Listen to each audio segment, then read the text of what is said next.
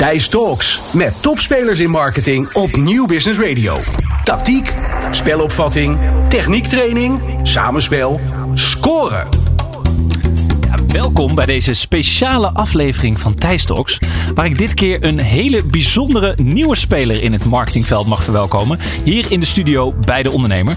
En dan heb ik het over het merk Odido, waar bijna twee jaar in het allergrootste geheim aan is gewerkt. Op 5 september was het zover en presenteerde deze nieuwe speler zich in de markt. Wat een entree maakte dit merk, met een enorme stroom aan mediaberichten op allerlei kanalen als gevolg. En de aanvoerder van dit team zit vandaag bij mij aan tafel. Tisha van Lammeren, Chief Commercial Officer bij Odido. In deze speciale aflevering ga ik dit keer niet op zoek naar de ideale positie voor deze topspeler, maar ga ik mijn gast een elftal vragen stellen om de tactiek en de strategie van het merk te ontrafelen. Warming up gehad en klaar voor de aftrap? Ja, Tisha, leuk dat je er bent. Het heeft even geduurd, hè? want het was natuurlijk een hele rit uh, over de A4 en dan de A1 hier naartoe. Uh, fijn dat je tijd hebt kunnen vrijmaken in je drukke agenda. Maar Odido, wat een verhaal. Hè? Ik zei het al. Officieel gelanceerd, Talk of the Town in ons marketingvak. Iedereen vindt er wat van, heeft er een mening over. Net als ik overigens. Hè? Dat heb je natuurlijk uh, kunnen volgen op LinkedIn. Daarom zitten we hier ook. Um, maar de vraag waar ik mee af wil trappen vandaag is eigenlijk deze. Succesvolle, herkenbare merken. Iedereen kent ze. T-Mobile, Tele2. Daar moet je afscheid van nemen. Hoe doe je dat?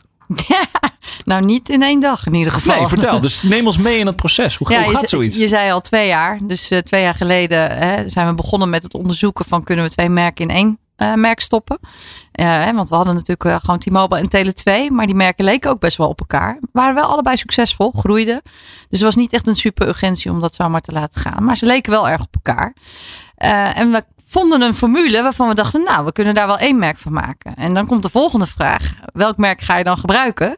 Een van de twee. Of ga je Ben gebruiken of Simpel? Die hebben we natuurlijk ook nog. En toen hebben we besloten om een geheel nieuw merk neer te zetten. Wat ook helemaal van onszelf is. Hè? Want wij willen een eigen Nederlands bedrijf zijn met eigen merken. En Tele2 en T-Mobile hadden we niet ons eigen bezit. Dus dat is denk ik een van de grootste beslissingen die we nou, uh, afgelopen jaar hebben gemaakt. Is uh, twee merken eruit halen en een heel nieuw merk uh, introduceren. En dat is natuurlijk ontzettend gedurfd. Nee, absoluut. En ik, ik bedoel, ik heb er natuurlijk met verbazing ook naar gekeken. Als merkstrateeg zag ik dat gebeuren. We hadden het net al even in het voorgesprek over van... wat was de laatste grote rebranding? En Klaas zei, ja, Vattenfall. Nou ja, Vattenfall, dat vond niemand iets van bijna. Daar hoorde je niks van. En Odido kwam een uh, merkstorm. Nou ja, dit kent ze weergaan niet. En wat ik me dan afvraag is van... waarom dan die keuze voor uh, Odido, waar komt dat vandaan? En, ik, en ja, dat zijn natuurlijk vragen die al vaker gesteld zijn, ook in interviews. Maar ook, welke andere merknamen waren dan de tegenstanders van Odido. Dus ja, hoe ja. komt dat tot stand? Nou, vooropgesteld zijn we eigenlijk niet helemaal goed begonnen aan het traject. Want we hadden eigenlijk gewoon aan het bureau gevraagd van... kan je een naam verzinnen waar wij verliefd op uh, kunnen worden? Want we, wij, wij houden nog steeds wel van T-Mobile en Tele2 als merk. Dus het was echt een gevoelsvraag. En ja, dan krijg je op een gegeven moment een hele waslijst aan namen... maar je hebt geen idee op basis waarvan je nu de juiste naam moet gaan kiezen. Dus het, was wel goed om even verkeerd te starten. Om dan eenmaal terug te gaan van ja, maar wie willen we nou eigenlijk als bedrijf zijn? Hè, wat is nou onze missie? Uh, welke merkwaarden willen we uitstralen? En, en, enzovoort. En toen zijn we dus de merkpersoonlijkheid eerst gaan neerzetten. Uh, menselijk, vooruitstrevend en optimistisch. En dan ga je vervolgens kijken naar, oké, welke uh, naamcategorieën zijn er dan? En er waren vier categorieën. eentje zat op kleur, de andere zat echt heel erg in de purpose, in de missiestatement. Nou, en dan had je nog twee andere categorieën. En daar kwamen we er eigenlijk achter dat als je dan de kans hebt om een nieuw merk neer te zetten, dan het dan het leukste is als je hem dan ook echt op je missie neerzet. Echt op, we willen een sterk, onafhankelijk, inclusief, menselijk, Nederlands bedrijf, merk worden. Ja, en dan komt daar een lijst aan namen uh, uit voort. Uh, en uh, die ga je dan filteren. Er is een top 3 uitgekomen. Een van die top 3 was bijvoorbeeld de codenaam van het, van het project. ELO. E-L-L-O-H. Een andere was Huddle. en we hadden Odido. dan ga je ook juridisch onderzoek doen. Want niet ieder merknaam kan je zomaar krijgen. Van welke merknaam eh, acht je dat je gewoon daar zonder grote rechtszaken gewoon uh, mee kunt gaan lanceren? Daar was Odido een van de, grootste kanshebbers. En daarna ga je naar de visuele exploratie. Met welke merknaam vind je dat je het ook het mooist uh, voor het voetlicht kan brengen? En daar sprong Odido eigenlijk gewoon boven de twee andere ver bovenuit. Nou ja, goed. Dit, volgens mij heb je deze vraag ook gekregen bij een van je andere interviews uh, bij uh, Radio 1. En daar moest ik heel erg om lachen toen je dan het antwoord gaf. Want eigenlijk wat dacht je, shit, het is live radio. Dus ik had eigenlijk deze vraag terug willen draaien. Maar uh, wat waren jouw allereerste gedachten bij het horen van de merknaam? Nou, jij zei toen hondennaam. Maar ja. waren vast ook andere associaties? Want dat is, kijk, ik ben als merkpsycholoog ga ik dan nadenken over de naam. En nu ik hem steeds vaker hoor, begin ik er al een beetje aan te wennen. Ja. Maar wat voor associaties riep het nou in eerste instantie bij je op? Want Ello, dat doet mij wel denken aan van, oh ja, dat kan ik wel koppelen aan Ja. een telecombedrijf. Hè, dan weg Ja. van de naam mobiel. Maar Ja. wat waren andere associaties bij jou dan? of Nou, bij jullie team? Ja, dus die hondennaamassociatie was inderdaad de eerste. En eh, eerlijkheidshalve, ik was niet, eh, ik zat niet gelijk in het kamp van eh, dat wordt hem. Dit wordt hem. Nee. Nee, nee, zeker niet. Dat was met name toen het visueel voor me werd. Toen was het gelijk om. Eh, de, waarom niet? Omdat ja, ik had er allerlei. eh, ik had hondennaam. Ik had eh, wat ook in, op social media wordt geschreven. Een crash heb ik ook gedaan. Kinderdagverblijf. Alles is wel. Alle emoties zijn wel binnengekomen. Dat ik dacht van, hmm, dit vind ik wel heel riskant om deze te gebruiken. Tegelijkertijd was het super aantrekkelijk dat eh, ja, eh, in principe er geen grote. Aan elk woord zit wel een betekenis, dus er valt altijd wel iets aan te koppelen. Maar er zat niet een hele overduidelijke eh, betekenis. Hè. Bijvoorbeeld bij huddle of ello, dat is een hele duidelijke betekenis. Bij ello zeg je iets van hallo, nou dat is heel menselijk. Bij huddle ga je gezamenlijk Lekker samen bij elkaar zitten. ja, Hè, dus, eh, en dat had voor- en nadelen. Eh, dus het nadeel daarvan is dat je dus al je verhaal helemaal ingevuld hebt op basis van die naam. En Odido had dat niet. Hè, dus dat in combinatie met we ook juridisch gezien hebben dat dat gewoon echt kon, maakte dat deze er eh, ja, naast het visuele stuk eh, bovenuit sprong. Nou, interessant. En ik, ik zat er natuurlijk ook vanuit een brand purpose of een merkverhaal naar te kijken. Ja. En in veel van de interviews verbaasde ik me een beetje over wat jullie dan riepen in de pers. Van ja, het woord Odido heeft geen betekenis. Nou, Ja. ik ben dan iemand die gaat een laagje dieper en dan gooi ik het in de Google Translate. Ja. Hè, en dan zie ik van in het Spaans betekent het ik heb het gehaat. Ik haatte het. In het Grieks heeft het ook betekenis. Hè, van ik luister en ik hoor. En wat ik me dan afvraag is, ligt er dan niet een prachtig merkverhaal te wachten om juist wel meer te doen met het woord de betekenis van het woord misschien niet in het Nederlands. En dan weg te gaan van de palindroomgesprek. Maar dat je zegt, Ja. joh, moeten we niet iets met het oud-Grieks? Ik hoor of ik luister. Fantastisch merkverhaal om te laten zien dat we onze klanten horen. Ja, had een dat? optie geweest. Wij hebben natuurlijk eh, ook gegoogeld Translate. Ja. Het zou een beetje gek zijn. Naast dat je kijkt of je het merkrecht kan Precies, krijgen. ja. Eh, hebben we ook gedaan. En wat ik al zei, we hadden waslijsten van namen. Bij ieder kom, Google Translate kwam wel wat uit. Weet je? En daar zaten positieve en negatieve dingen aan vast. Dus eh, in het Latijn, ik heb zelf op een gymnasium gezeten, was het niet per se een Niet per se goed. Nee. Po- positief. Nou, in het Grieks dan, ik hoor, ik luister. En daar hebben we op een gegeven moment toch van gezegd, nou hou op. Want je maakt het spel echt ongelooflijk ingewikkeld dan. Je kan geen naam vinden waar niet een vorm van duiding aan zit. Dit was niet een, hè, als je gewoon op straat staat, wat betekent Odido? Dan moeten mensen gewoon over het algemeen zeggen ze dan, ik weet het niet. En pas als je in de Google gaat, komen er dingen naar voren. Bij de al hele hoop andere namen had je al gelijk een associatie. En dat was de voordeel van deze naam. Nog geen associatie, dus dan kunnen wij het verhaal vullen. Ja, en de mediacampagne is in volle gang natuurlijk. Hè? Odido is overal zichtbaar en, en hoorbaar. Wordt helemaal gevolgd. Ik ben natuurlijk ook helemaal word ik geretarget op dit moment. Ja, ik ben overal sorry. zichtbaar voor mij. Ja, kan gebeuren. Maar ehm, ja, eerst reacties van, van klanten en relaties. Wat, wat hoor je nu terug? Want ik, ik merk dus aan mezelf dat ik soort van nu naar de andere kant aan het bewegen ben. Ik denk van, oh ja, ik word er wel vrolijk van elke keer als ik het hoor. Dus dat is een positieve associatie. Maar wat, wat hoor je van mensen, klanten, eh, relaties terug op? Ehm, positief en negatief. Dus positief, eh, zeker eh, positief vooral van deskundigen in het vakgebied. Van nou, eh, hoe gaaf hoe jullie dit gedaan hebben. Maar ook eh, hoe het eruit ziet. Hè. Echt eh, heel erg verfrissend, verrassend. zowel in beeldmerk als de, we hebben best wel wat extremere uitingen die we in het straatbeeld laten zien. Het is niet alleen maar een out of home en dan is het dat. We zoeken ook naar wat meer extremere vormen. Dus dat is heel positief. Dus de creatieve kant, zeg maar. Ehm, negatief klanten die zeggen van een achterlijke naam. Eh, daar moet ik aan wennen. En soms ook klanten die daarbij zeggen dan van nou, ik zeg op. Hè, dus eh, dit was de druppel. Vanwege de naam zeg ik nu op. Ja, dat is de druppel. Maar ja, goed, dan is er al in wat, wat meer in de relatie waarschijnlijk eh, heeft er dan plaatsgevonden, waardoor het niet helemaal eh, lekker is. Ook een hele bak aan klanten die gewoon eh, afwachtend zijn. Van nou, eh, weet je, als je kijkt naar waar het merk voor staat, I like it. En wat jullie beloven aan de markt. Nou, als je dat waar gaat maken, dan, eh, dan heb je me. Maar uh, ga het maar eens waarmaken. Uh, dus dat uh, is een beetje, denk ik, het, het, beeld. Ja, en ik hoorde jou ook in een van je andere interviews zeggen van... Goh, nou de klanten hadden het ook wat anders kunnen doen. Hè? Want wat natuurlijk... Ja, jullie zijn er twee jaar mee bezig geweest. En ineens ligt Yep. er op je deurmat een brief van... Nou, vanaf nu zijn we Odido. Of je krijgt een sms'je van... eh, Hallo, voor jou verandert er niks.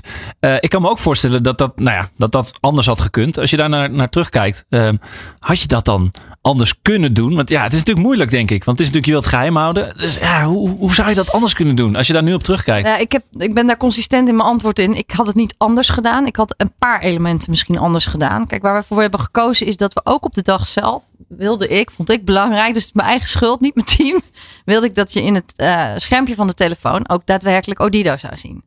En dat is best technisch een, eh, een uitdaging. Uitdaging, ja. Maar daar gingen we voor. En we hebben dat in een, een lab getest en dat werkte, et cetera. Dus dat was voor mij een belangrijk ding. Omdat ik dacht, ja, dan is het ook, dat hoorde bij die Big Bang. Weet je wel, van nou, je ziet het overal in het straatbeeld. Je hoort het op het nieuws. En onze klanten zien het in hun scherm. En ze krijgen de sms en ze krijgen de e-mail. Dan is het echt, je ziet het overal. Wat ik in die zin heb onderschat is dat mensen eh, het soms zagen als van, hè, er is een heel ander netwerk onder. Ik denk, nee, het is helemaal hetzelfde netwerk. Het heeft gewoon een andere naam gekregen. Dus ik denk, hoe kan dat nou? En of dat mensen zeiden van, eh, we worden gehackt. Nou, dat is natuurlijk helemaal niet de indruk die we hadden willen wekken. Dus als ik dat had terug willen draaien, dan had ik eh, het veranderen van de netwerknaam, had ik misschien een week later gedaan. Eh, het, het mailen en sms'en van onze klanten op hetzelfde moment als onze medewerkers en de media kan niet anders. Dat kan gewoon niet anders. En omdat we zoveel klanten hebben, gaat dat in batches. Dus dat is nooit allemaal tegelijkertijd om tien uur. Dat gaat gedurende de dag. Nee, maar ik bedoel, als ik dan naar die sms kijk, bedoel, ik ben dan geen klant van Odido, maar ik kreeg heel veel sms'jes van mensen, omdat ik natuurlijk wat stukjes aan het schrijven was eh, over eh, de, Ja. de rebranding.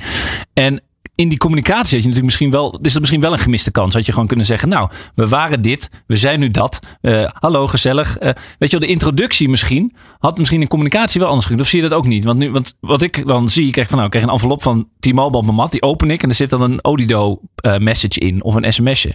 Zag je daar niet dat je denkt van, oh ja, dan hadden we, of nu nog, dat je zegt van, joh, we gaan dat uitleggen van ehm, hoe Nou ja, wat dat ik heb alle communicatie gezien en goedgekeurd wat naar de klant is gegaan. En met name dan heb je het over IDM's die hè, Ja, e-mails. precies. Ja. En dat is echt wel iets meer dan van eh, dit is het, doei. Hè, dus daar zit veel meer achter. Daar leggen we ook via filmpjes. Hè, maar ja, niet iedere klant opent Kijk die e-mails. filmpjes. Nee, nee, nee. Iedereen kijkt die en daar leggen we in die, eh, in die video's uit wat er verandert voor onze klanten. Bijvoorbeeld voor Tele2 klanten, die kunnen nu naar de winkel gaan. Dat konden ze voorheen niet. Dus ja, dat, je bereikt daar niet iedereen mee. De opzet was absoluut van nou, om heel, twee dingen duidelijk te maken. Of drie dingen eigenlijk. Eén, Odido, of voor Tele2 of T-Mobile wordt Odido. Ja, dat is gewoon Dat is gelukt. informeren. Ja, informeren, ja. Twee, eh, voor heel veel eh, klanten, de verandert of voor jou niets, of je krijgt een voordeel. Bijvoorbeeld een Tele2-klant. We hebben helemaal niet het abonnement aangepast. Het is gewoon hetzelfde abonnement gebleven. Maar je kan nu ook naar de winkel gaan. Dus dat was de doelstelling van die communicatie. Want wij weten uit ervaring dat in principe niet alle mensen houden van verandering. Veel mensen niet, denk ik. Ja. Ik druk het iets positiever uit. Dus je moet wel heel erg duidelijk zijn en ook geruststellen van joh, dit blijft allemaal hetzelfde. Het ziet er anders uit, er is een andere app. Voor Tele2 klanten was het wel degelijk zo dat ze een nieuwe app moesten downloaden. Voor T-Mobile klanten niet. Dus dat is de insteek van die communicatie geweest. Eh, hè, dus die drie doelen. Zeggen wat het is. eh, eh, zorgen dat de klanten gerustgesteld zijn. Dat er niet ineens een nieuw abonnement hebben. En derde, dit zijn de voordelen die je er extra van kan genieten. Kan het beter? Kijk, als je puur naar de feedback van de klant luistert. Ja, Kan het altijd beter. Nee, want, ja, er zijn eh, altijd mensen die erover klagen. ja, zeker. Dus eh, hebben we daar een 9 gescoord? Eh, Nee, ik denk dat als we dat zouden scoren, zou die lager zijn. Zie je heel veel mogelijkheden ruimte om dat anders te doen? Vind ik ingewikkeld. Dus dat, daar zit niet zo heel veel andere dingen die anders dan sms'en, mailen, media, medewerkers aan de lijn trainen. Ja, weet je, we hebben maximaal geprobeerd om onze klanten eh, te vertellen. Maar niet iedereen was daar helemaal blij mee. Nou, maar dat, dat vind ik ook wel mooi om nu te zien. Dat je daar gewoon open en transparant in bent. Dat je ook gewoon, dat vind ik echt wel knap. Gewoon zeggen van, oké, we durven ons kwetsbaar op te stellen. Want het is Ja. natuurlijk een exercitie. Het kan natuurlijk Ja. niet van alles Nee. goed gaan. Weet je, iedereen vanaf de buitenkant, als ik naar mezelf kijk ook. Ja, ik kan makkelijk van buitenaf beoordelen. Maar ja, ik ben er niet bij. Dus dan is het wel knap dat je eh, ook durft toe te geven. Nou, oké, nou, we hadden de volgende keer anders kunnen doen. Even een voorbeeld daarvan. Om, s ochtends om half negen kwamen al onze callcenter medewerkers over alle locaties op kantoor. En werden op dat moment getraind. En vanaf tien uur sta je aan de lijn en moet je zeggen, T-Mobile. Ongelooflijk, hè? Jeetje, Dus dat is Ja. echt, eh, dat is een ongekende operatie. En ook tegen die medewerkers hebben we gezegd, joh, ik verwacht echt niet dat je gelijk opneemt van, hoi, ik ben Tisha van T-Mobile. Of nee, ik ben Tisha van Odido. Wees jezelf, weet je wel. Want dan, dan werkt het het beste. Maar proberen te vertellen dat die mobile Odido is geworden. En ja, dat gaat. Ik, ik heb van de week, vorige week meegeluisterd. Ik ben verrast over hoe goed dat gaat nu. Mooi. En als we dan naar jou kijken, dus naar de speler Tisha, wat zien we dan terug van jou eigenlijk in het merk? Uh, ik zie iemand die zit, die is gepassioneerd, die, die, die strijdt echt voor waar ze voor staat. Maar als je dat zelf zou moeten zien, wat, wat, wat zijn de verschillende overeenkomsten tussen ja. mensen en merk? Of is dat eigenlijk gewoon zo hop in elkaar te schuiven? Nou, dat is wel een klein beetje zo. Kijk, in principe hebben wij het nieuwe merk gebouwd ook op de DNA van het bedrijf wat we waren. Uh, dus dat is één. Dus je gaat, uh, dat is ook ons aangeraden door de merkstrategen die we hebben ingezet. Van nou, ga niet een compleet nieuwe persoonlijkheid neerzetten. Want dan is wie je intern bent als identiteit, matcht dan niet met wie je buiten wil zijn. We hebben ook de cultuurwaarden die we opnieuw geïntroduceerd hebben, of nieuw hebben geïntroduceerd, zijn exact hetzelfde. Dus de merkwaarden en de cultuurwaarden zijn exact hetzelfde. Die drie zijn uh, vooruitstrevend, optimistisch en uh, menselijk. Nou, als het gaat over vooruitstrevend uh, en mezelf. Ik ben altijd al een voorvechter van, nou, er mag wel wat opschudding in de telecommarkt. Hè. De eerste die Unlimited heeft geïntroduceerd. Dus het voorvechten van het doorbreken van conventies. Het een beetje opschudden, een beetje uitdagen. Nou, dat past me goed. Optimistisch. Uh, ja, ik, uh, de meeste mensen zeggen bij mij: het gaat niet over of jouw glas half vol is. Je hebt eerder twee of drie glazen nodig. Dus ik heb gewoon ontzettend, Mooi. Ja, leuk. ontzettend veel energie. En gelukkig heb ik mensen om me heen die af en toe geen glas hebben of een half vol glas. Zodat ik af en toe weer op Planet Reality kom. Ik ben zo'n persoon die in marathon ongetraind gaat, ongetraind gaat rennen. Dus ja, dat optimisme van me. Iets te optimistisch. Ja, nou, is wel, ik heb hem wel uitgerend. Dus wel vooruitstrevend ook. Ja. ik heb hem wel uitgerend. Vraag niet hoe het eruit zag. Maar ik heb hem twee keer uitgerend. Nee, maar dus, dus ik geloof echt dat het onmogelijke mogelijk is. En dat is de optimistische kernwaarde. En als het dan gaat over het menselijke ja, daar zit als persoon voor mij de grootste ontwikkeling uh, de afgelopen jaren. Hè. Al heel snel als vrouw aan de top, zeg maar, uh, ben je over het algemeen uh, een bitch. ik weet best wel goed wat ik wil, dus dan versterk je dat. Ik ben vrij extravert. Dus ik vond het best wel lastig om de menselijke kant die ik thuis ben, en mijn moeder ook van vier kinderen, om die ook naar het werk mee te brengen. En daar zit nog steeds voor mij de grootste ontwikkeling van hoe kan je zorgen dat je gewoon dicht bij jezelf blijft onder de uitdagingen die je continu krijgt. En dat mensen, uh, nou ja, sommige mensen zijn gewoon bang voor mij. Nou, dat vind ik verschrikkelijk om te horen, maar ja. En waarom dan? Hoor je dat? Vraag je dat ze, dan ook van? Omdat ze denken, ah, ze powerwoman, weet je wel? Ze oh ja, dat is gevaarlijk. Ja. ja, toch wel een beetje. En uh, ik ben me heel erg bewust, ook in het kantoorpand, van als ik in de lift sta, Vroeger stond ik in de lift en was ik gewoon bezig met mijn werk. Dus zat ik gewoon naar mijn WhatsApp te kijken en mijn e-mail. En niet naar de mensen in de lift te kijken. En nu let ik er echt op. Wie staat er in de lift? Zeg hallo. Ik zeg de godganse dag hallo in het kantoorpand. Ik denk, jezus. Pas ook wel goed bij het Mark. Hallo. ja. ja. Dus dat zijn uh, kleine, toch wel gedragswijzigingen die je doorvoert. Om ook je eigen imago. Van nou, ik, ik ben gewoon een mens en ik ben ook menselijk. Ik heb ook heel erg ambities. Maar ik hoop wel dat ik de dingen altijd mensgericht doe. Maar die perceptie heb ik niet altijd. En hoe doe je dat dan om dan nog heel veel bij stil te staan? Hè? Want er zitten natuurlijk heel veel mannen in de telecom. Je gaf in het voorgesprek gaf je al wat voorbeelden waar ik niet op zal inzoomen. Maar hoe doe je dat dan? Hoe vind je dan toch die balans dat je niet gaat zeggen van... nou, ik ga die mannen kopiëren. Ik blijf toch een beetje mezelf. Maar toch ook ervoor dat je, de, eh, dat je in elk geval je statement kan maken. Hoe doe je dat dan in de dagdagelijkse praktijk? Als die powerwoman die je nu, uh, nou ja, wat, wat mensen van je vinden? Het, ik denk dat het uh, niet iets is waar ik dagelijks uh, mee bezig ben, omdat ik vooral gewoon inderdaad mezelf ben. Maar ik, af en toe zit ik wel in settings waarin ik merk dat ik me niet op mijn gemak voel. En dan moet je even, toch even met jezelf praten. Van nou, gaat het nu om mij of gaat het om het onderwerp? En dan probeer ik toch even te aarden, zal ik maar zeggen. En weer vanuit de inhoud gewoon te doen wat ik moet doen. En dan maakt het niet uit of ik nou een man of een vrouw of een, een powerwoman of niet ben. Ik ben dan toch gewoon gericht op de inhoud en dan ga ik gewoon verder. Maar dat betekent af en toe wel dat ik even uh, moet denken, oh jeetje, oh. Dus ik ben regelmatig dan nerveus. Want oh, dit vind ik wel heel spannend. Um, Oké, adem in, adem uit. En soms letterlijk even naar de wc gaan. En weer terugkomen. Mooi voorbeeld, ja. ja. En heb je dan ook in het kader van, hè, we zitten natuurlijk een beetje in de voetbaltermen. We hadden het ja. al heel even over Ajax en Feyenoord, waar we het vandaag ja. niet te lang over gaan hebben trouwens. niet? Ik, vind, uh, ik moeten we niet, dus niet, niet, te lang bij stilstaan. Uh, maar dat je zegt van, heb je dan ook een, een, een coach of iemand om je heen waarvan je af en toe even zegt, oké okay, wacht even, ik ga even reflecteren. Ik ga even niet naar het toilet, maar ik zoek even mijn coach op die mij daarin helpt. En, en kun je daar iets over vertellen? Ja, uh, gisteren heb ik mijn coach, gisteravond heb ik mijn coach weer gesproken. Ik heb een, uh, een hele competente dame van boven de 60, dus die is ook een stukje rustiger dan dat ik uh, ben. En die bel ik en wandel ik geregeld mee. Om met name de kwesties waar het gaat over hoe zorg ik wetende dat ik dicht bij mezelf wil staan, hoe zorg ik dat dan ook in de context waar ik soms acteer, dat kan zijn. En dat ik de ruimte kan creëren om dan ook mezelf te zijn, in plaats van mee te gaan in het spel wat er dan uh, speelt. En wij oefenen gewoon dingen. Dus ik oefen soms met haar gesprekken, moeilijke gesprekken. Uh, ik uh, bespreek zaken met haar waarvan ik gewoon onzeker ben. En meestal, het gaat heel snel hoor. We hebben soms maar een half uur nodig. En dan zeg ik, oké, ik weet wat ik moet doen. Doei. En dan gaan we weer door. Snelle wandeling. Gewoon een hele korte wandeling. Hey, en als je het dan hebt over uh, training. Wat bedoel je? Je bent natuurlijk een van de meest gevraagde sprekers op dit moment in het marketingvak. Denk. Ik denk dat iedereen zegt, oh, we willen het verhaal horen. Ik bedoel, Word je daar ook, train je jezelf daar ook in? Of ben je ook bezig met training? Want voor mij kom je heel authentiek en menselijk over. Het is een podcast, maar niemand ziet dat hier. Maar hoe, hoe doe je dat dan? Hoe laat je je daarin uh, begeleiden of trainen? Ja. Of gaat het vanzelf? Kan ook. Nee, ja, laat ik vooropstellen dat ik dit heel erg leuk vind. Dus vroeger als klein meisje had ik maar twee wensen. Eén was zakenvrouw worden. Nou, dat is gelukt, toch? Nee, mijn vader was zakenman en die ging altijd met, uh, met een koffertje weg. En ik wilde al vanaf zes jaar wilde ik ook mijn koffertje. Nou, ik heb een tas, maar... Dus dat is één. En het andere wat ik heel graag wilde worden was journalist. Uh, dus ja, dit vakgebied waarin jullie zich, uh, zitten vind ik ontzettend leuk. Dus laat ik dat voorop stellen. En als je iets heel leuk vindt, dan gaat het over het algemeen wat makkelijker. Maar daarnaast is het trainen. Dus ook voor de launch hebben wij denk ik in totaal vier mediatrainingen gehad. Uh, omdat dit wel heel spannend is. En het kan goed gaan of het kan fout gaan. Uh, ik heb ook wel eens eh, voor een camera moeten staan dat het onderwerp wat minder leuk was. En dan moet je het ook kunnen doen, want je vertegenwoordigt wel het hele bedrijf.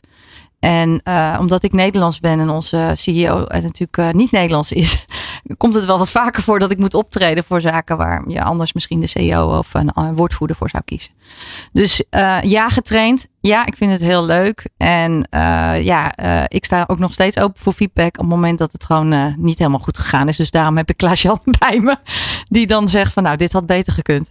Mooi. Ja, nee, zo, zo leer je altijd beter spelen in dit marketingspeelveld natuurlijk. Ja. En een van de dingen die ik leuk vond om te lezen over jou, want ik kijk ook altijd naar de speler zelf. Ik bedoel, het verhaal van, van Olido is fantastisch, maar dat is natuurlijk in vele vormen al verteld. Maar jij hebt een soort mantra, dat is vond ik mooi. Ik hou er ook van als marketeer. De drie C's van, van Tisha, calm, cool en collected. Een soort mantra.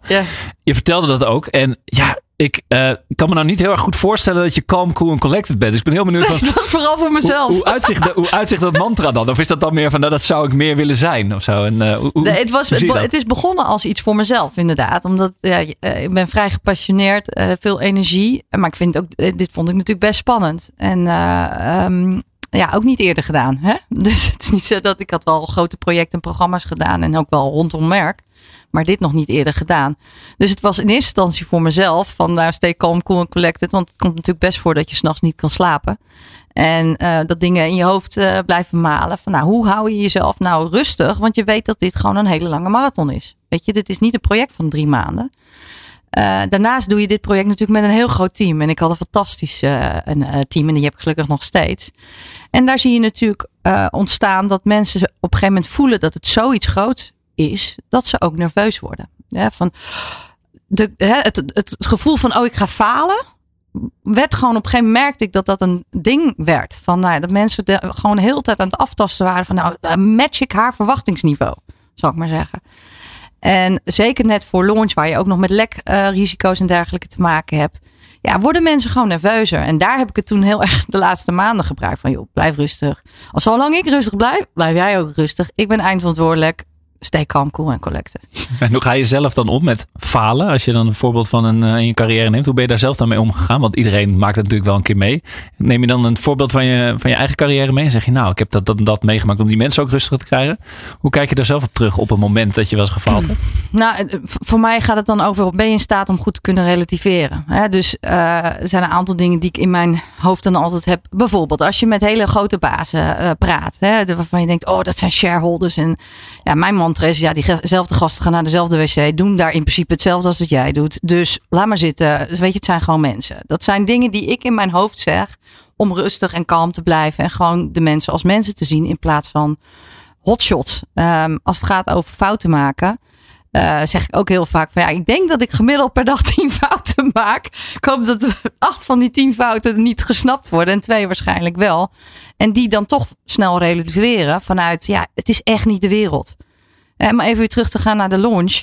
Tuurlijk, de dag ervoor gebeurde er een lek. Er waren overigens al wat meer lekken van tevoren geweest. Die hebben jullie allemaal niet gemerkt. Um, ja, dan kan je natuurlijk denken van, oh, het is mislukt.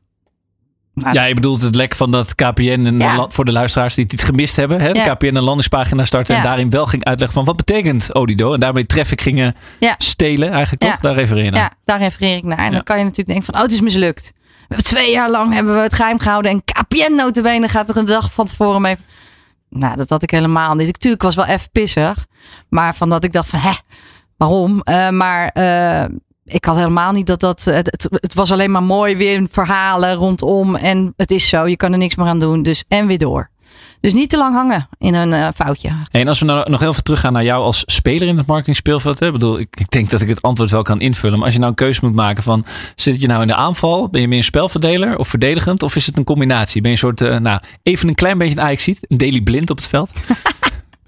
Wie, hoe zou je jezelf zien? Wat voor type, ja, dat zou je eigenlijk aan de anderen moeten vragen. Ik denk dat de perceptie is dat ik heel erg een aanvaller uh, ben. Omdat ik altijd uh, uh, ja, vooruitstrevend wil zijn. En vier stappen vooruit wil gaan. En gedurfd ben en risico's neem. Dus dat, dat denk ik dat mensen in ieder geval qua perceptie bij me hebben. Maar eigenlijk ook vanuit mijn opleidingsachtergrond ben ik gewoon een bedrijfskundige. Dus ik kan helemaal niks. zeg maar, zeg ik altijd. Dus ik wil eigenlijk het hele speelveld kunnen overzien. Dus ik ben in, ook in het programma. We hadden 17 werkstromen. En dat ging vanuit een juridische werkstroom. Die er natuurlijk voor moet zorgen dat we de merkrechten krijgen. Tot aan een marketingmerkstroom. Die moet zorgen dat alle uitingen.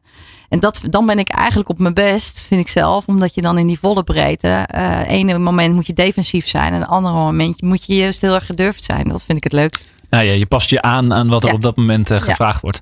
Leuk. En ja, ik, jullie zeggen natuurlijk ook veel in de communicatie. Zeg je van nou, we gaan dingen anders doen. Hè? Dus um, nou ja, daar zijn vast al heel veel vragen over gesteld. Maar zou je wat voorbeelden kunnen geven in van die je misschien gaat doen? Of die je al hebt gedaan? Ook om het verschil te maken natuurlijk. Kijk, ik heb zelf uh, een tijdje voor Vodafone Ziggo gewerkt. En die, in die markt is natuurlijk redelijk homogeen. Daarom vond ik het ook heel cool dat iemand zei... Oké, we gaan het totaal anders doen. Ook met die merknaam.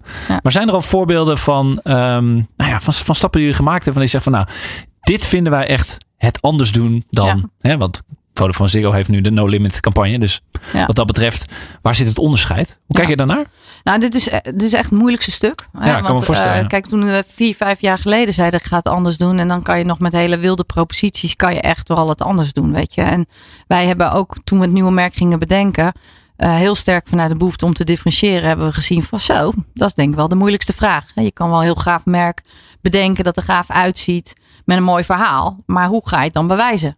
dus dat was Absoluut, echt het aller, Dat is ook mijn vraag. Dat ik denk, ja, hoe ga ja, je dat was het aller, allermoeilijkste. Ja. En ook niet alleen wat, hoe ga je het bewijzen op dag één, maar ook gewoon eh, over een periode van uh, uh, twee jaar.